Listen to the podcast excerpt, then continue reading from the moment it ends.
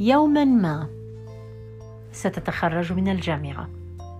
يوما ما ستتزوجين. يوما ما ستصبح ابا. يوما ما ستصبحين مديرة لشركة. يوما ما ستجوب العالم. يوما ما ستسافرين بالدرجة الأولى.